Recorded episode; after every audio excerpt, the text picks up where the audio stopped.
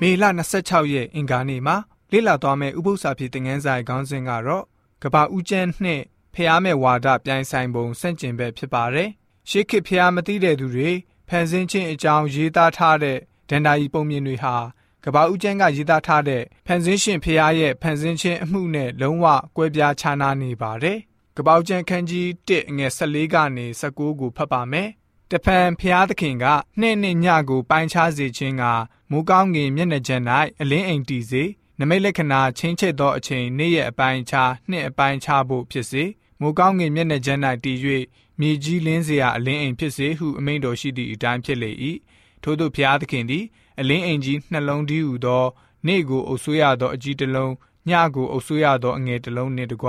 ကျင်များတို့ကိုဖန်ဆင်းတော်မူပြီးလင်မြေကြီး၌လင်းစေခြင်းက၎င်း နေ့နှင့်ညကိုအုပ်ဆိုး၍အလင်းနှင့်အမှောင်မိုက်ကိုပိုင်းခြားစေခြင်းက၎င်းမိုးကောင်းကင်မျက်နှာကျက်၌ဘုရားသခင်ထားတော်မူ၏ထိုအမှုရာကောင်းသည်ကိုဘုရားသခင်မြင်တော်မူ၍ညဦးနှင့်နနက်သည်စတုထနေ့ရက်ဖြစ်လေ၏ဆိုပြီးတော့ဖော်ပြထားပါတယ်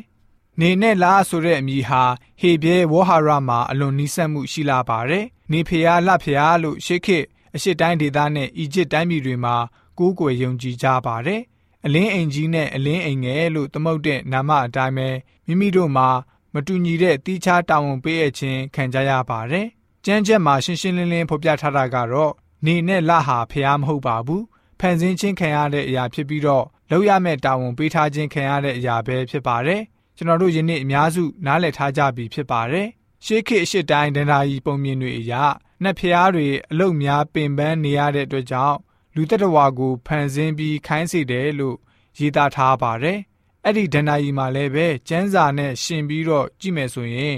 လူသားကိုဖျားရှင်ဖန်ဆင်းတဲ့နေရာမှာခိုင်းစေဖို့အတွက်မဟုတ်ပါဘူးလူသားကိုဖန်ဆင်းတဲ့နေရာမှာမိမိအတွက်အကျိုးတစုံတရာရလိုတဲ့သဘောမျိုးမဟုတ်ပါဘူးဖန်ဆင်းသမျှအရာအလုံးရဲ့အထက်အမြင့်ဆုံးယာတူးကိုပေးထားပါတယ်ဒါကြောင့်ဖျားမရှိဖျားမဲ့တဲ့သူတွေရဲ့အတွေးနဲ့ကဘာဦးကျန်းရဲ့ဖန်ဆင်းခြင်းမှတ်တမ်းဟာ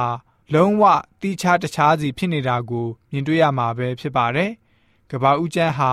ရှေးကဘာဖြစ်တည်လာပုံကိုဖော်ပြတဲ့နေရာမှာဒန်နာယီပုံမြင်ဟောင်းတွေနဲ့လည်းပဲလုံးလုံးဆန့်ကျင်နေပါတယ်။မောရှိဟာစကားအတုံးလုံးကိုအသုံးပြုတဲ့နေရာမှာဖျားမဲ့သူတွေအသုံးပြုတဲ့စကားအတုံးလုံးခံယူချက်အတွေးတွေကိုလုံးဝမသုံးထားပါဘူး။ဖျားသခင်ဟာဖန်ဆင်းခြင်းအမှုကိုလှုပ်ဆောင်တဲ့နေရာမှာအရှိကိုအရှိတိုင်းကျွန်တော်တို့နားလည်နိုင်အောင်ကျမ်းစာကိုရေးသားပေးပါတယ်။ ဘယ်ရည်ရွယ်ချက်နဲ့ဘယ်လိုမျိုးလှုပ်ဆောင်နေဆိုတာကိုရှင်းနေအောင်ဖော်ပြပေးပါတယ်။လွန်ခဲ့တဲ့နှစ်ထောင်ပေါင်းများစွာကတည်းက